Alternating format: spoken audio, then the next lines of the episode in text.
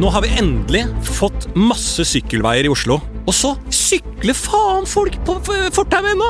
Hvordan går det an? Hva skjer med at folk tar opp mobilen i enhver sosial setting? Jeg gjør det. Klassisk problem.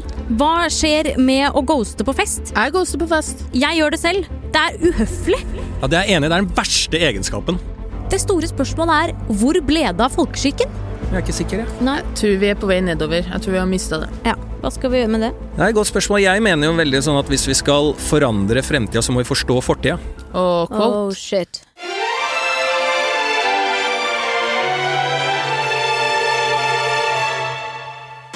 Det er jo ikke noe nytt å bruke gamle bøker til å løse dagens problemer. Bibelen, Koranen, har blitt tolket i hundrevis av år og er fortsatt godt brukt i dag. Vår hellige tekst er Skikk og bruk, en velbevart skatt av en bok fra 1960. Det er en eh, bok som tar for seg alt av folkeskikk, dannelse og etikette.